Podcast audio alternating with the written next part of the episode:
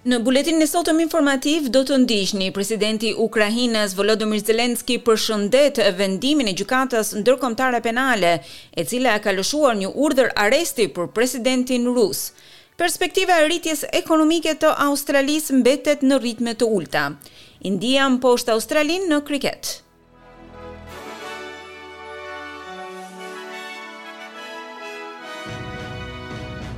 Fillojmë gjerësisht me lajmet. Presidenti ukrainas Volodymyr Zelensky ka përshëndetur vendimin e Gjykatës Ndërkombëtare Penale për të lëshuar një urdhër arresti për presidentin rus Vladimir Putin. This is a historic decision that will lead to historic accountability. The head of a terrorist state and another Russian official have officially Ky është një vendim historik, i cili do të çojë në përgjegjësi historike. Kreu i një shteti terrorist dhe një zyrtar tjetër rus janë bërë zyrtarisht të dyshuar për krime lufte, në dëbimin e fëmijëve ukrainas, në zhvendosjen e tyre të paligjshme drejt territorit të shtetit terrorist. Presidenti Zelensky u zotua të kthejë të gjithë fëmijët që ai thotë janë vjedhur nga Ukraina. Prokurori i Përgjithshëm i Ukrainës, Andriy Kostin, tha gjithashtu se masa ishte e rëndësishme për të demonstruar se regjimi rus dhe udhëheqësi i tij janë kriminelë lufte. Dhe ekspertët thonë se vendimi është më shumë një veprim simbolik. Profesoresha e historisë në Universitetin e Utreht, Iva Vukushiq, tha se ka raste kur personat e akuzuar janë larg organeve të drejtësisë, e këto raste kanë sfida. Profesoresha Vukushiq thotë se ndonëse është e vështirë të arrestosh udhëheqës të tillë, nuk është e pamundur. Megjithatë, ajo shtoi se nuk do të ketë arrestim të menjëhershëm të presidentit rus. Putin is not stupid, he's not going to travel uh, abroad uh, to a country where he might uh, be arrested. So in some ways of course it is historical, it's a really big case. Putini është i zgjuar, ai nuk do të udhëtojë jashtë vendit në një nga ato vende ku mund të arrestohet. Pra sigurisht që ky vendim është historik, është një rast me të vërtetë i madh në luftën që Ukraina po bën për krimet e supozuara të luftës, të cilat kanë marrë kaq shumë vëmendje ndërkombëtare nga media, por edhe nga publiku. Në të njëjtën kohë, mendoj se nuk duhet të emocionohemi shumë. Një gjykim i mundshëm i Putinit nuk do të vijë brenda një muaji apo një viti. Pa marrë parasysh nëse del ndonjëherë në bankën e të akuzuarve apo jo, presidenti i Rusisë, Vladimir Putin do të jetë gjithmonë i akuzuar në arratisje nga drejtësia kombëtare, ka thënë juristi amerikan David Scheffer.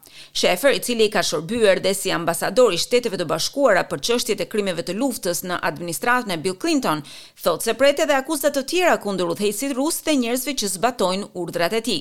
Putin duhet të frikësohet vërtet nga udhëtimet jashtë kufijve të Rusisë, ndoshta me përjashtim të vendeve të tilla si Kina, Bjellorusia, Irani, Koreja e Veriut. Këto vende sigurisht që nuk do ta arrestonin, thotë Scheffer për Radion Europa e Lirë.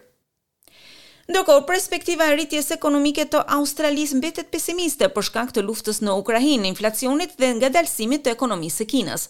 Organizata për Bashkëpunimin dhe Zhvillimin Ekonomik ka ulur parashikimet e rritjes ekonomike për Australinë në raportin e saj të perspektivës. Organizata ka rishikuar edhe mënyrën e rritjes së ekonomisë australiane, e cila nga një pikë nëntë për qind do të rritet tani në një pikë pesë për qind në vitin dy mijë e njëzet e katër. Pavarësisht përmirësimit në rang global, që sipas OSBE-së do të jetë në dy pikë gjashtë për qind.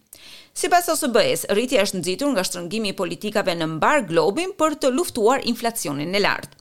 Shefi i thesarit Jim Chalmers tha se Australia nuk është imune ndaj paqëndrueshmërisë, por ekonomia dhe sistemi financiar i saj janë të vendosur mirë për të përballuar sfidat.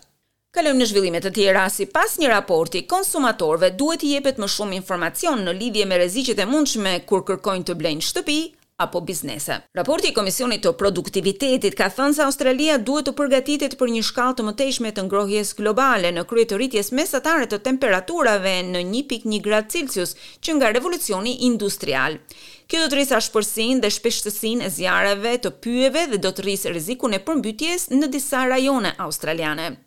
Një studim i publikuar vitin e kaluar nga Climate Valuation zbuloi se të paktën shtatëmbëdhjetë periferi australiane, ku më shumë se gjysma e pronave janë të pasigurueshme deri në vitin dy mijë e tridhjetë. Komisioni ka rekomanduar që qeveria të heqë dorë nga skemat e sigurimeve të subvencionuara. E po në këtë temë, banorët e Viktorias janë paralajmëruar për një rritje të temperaturave gjatë kësaj fundjave. Autoritetet kanë ndaluar ndezjen e zjarreve për shkak të erërave të forta. Sot në Melburn, temperatura arriti gati tridhjetë e shtatë gradë, e në zona të caktuara rajonale ajo shkoi përtej dyzet gradëve. Kur foli për radion ABC, Jason Heffernan nga Autoriteti i Zjarrfikësve të vendit, tha se banorët në zonat veriore të këtij shteti duhet të jenë në gatishmëri të lartë emergjence. Në New South Wales janë hapur kutitë e votimit dhe analistët politikë thonë se rruga drejt fitores në zgjedhje do të varet nga zonat në perëndim dhe në jug të Sidnit. Ekspertët thonë se fushat e betejës në jug dhe jugperëndim, perëndim dhe veriperëndim të qytetit ka të ngjarë të përcaktojnë rezultatin e votimeve të njëzet e pesë marsit. Ministri i New South Wales, Stuart Ayres, i tha Channel Nine se ka besim se ai do të ruajë pozitën e tij në Penrith. Kalojmë në Francë, një tjetër valë demonstratash ka nisur në kryeqytetin francez kundër planeve të qeverisë së vendit për të rritur moshën e pensionit. Policia u përlesh me protestues në Paris. Imazhet treguan policinë e cila ishte detyruar të përdorte gaz lotsjellës kundër zemërimit të turmës. Ndërkohë, trazirat e të premtes mbrëma pasuan çrregullime të ngjashme të enjten, pasi presidenti Macron vendosi të miratojë shtyrjen e moshës së pensionit pa votimet parlamentare. Qeveria e presidentit Emmanuel Macron dëshiron të rrisë moshën e pensionit të Francës me dy vite në gjashtëdhjetë e katër, si një masë thelbësore për t'u siguruar që sistemi të mbahet. Por shumica e popullatës, tetëdhjetë për qind të njerëzve janë të pakënaqur me këtë vendim për të anashkaluar votimet në parlament. E në Afrikë ekziston frika se pas ciklonit Fredi në Malawi mund të ketë një shpërthim tjetër të kolerës. Vendi i Afrikës Juglindore mendohej se kishte mbajtur nën kontroll infeksionin, ndërkohë që vendasit dhe ekspertët e shëndetësisë kanë frikë se gjendja do të ndryshojë shumë shpejt. Kolera përhapet mes ujit dhe ushqimit të kontaminuar. Analistja e lartë e politikave shëndetësore në WaterAid, Ariel Nylander shpjegon. they can live in the water for, for and in the soils for a longer period of time uh, and then go on to infect people who come into contact. Bakteri mund të jetojë në ujë dhe në tokë për një periudhë të gjatë e më pas mund të infektojë të gjithë ata që vijnë në kontakt me të.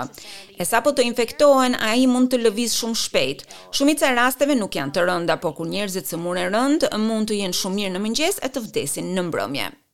Malawi ka kryer dy fushata të vaksinimit të kolerës, por një rritje globale e infeksioneve ka vendosur presion mbi furnizimin në vaksina. Presidenti i Finlandës, Sauli Niinisto mbërriti në kryeqytetin turk të Ankarasë, ku pritej nga homologu i tij vendas Rexhep Tajip Erdogan. Qëllimi ishte hyrja e Finlandës në NATO, ndërkohë që Turqia zbuti kundërshtimet e saj në lidhje me anëtarësimin e kombit skandinav si pjesë e aleancës ushtarake. Në mënyrë që një vend të pranohet në NATO, të gjitha vendet anëtare duhet të japin miratimin e tyre, ndërkohë që Turqia dhe Hungaria kanë bllokuar ofertën e përbashkët të Finlandës dhe Suedisë. E ndërsa rruga mbetet e vështirë për Suedinë, për shkak se Turqia beson se është shumë e butë ndaj grupeve që janë konsideruar si organizata terroriste, gjërat me sa duket po shkojnë mirë për Finlandën. Rezultati i takimit mund t'i hapë rrugën Finlandës për t'u bërë zyrtarisht anëtare.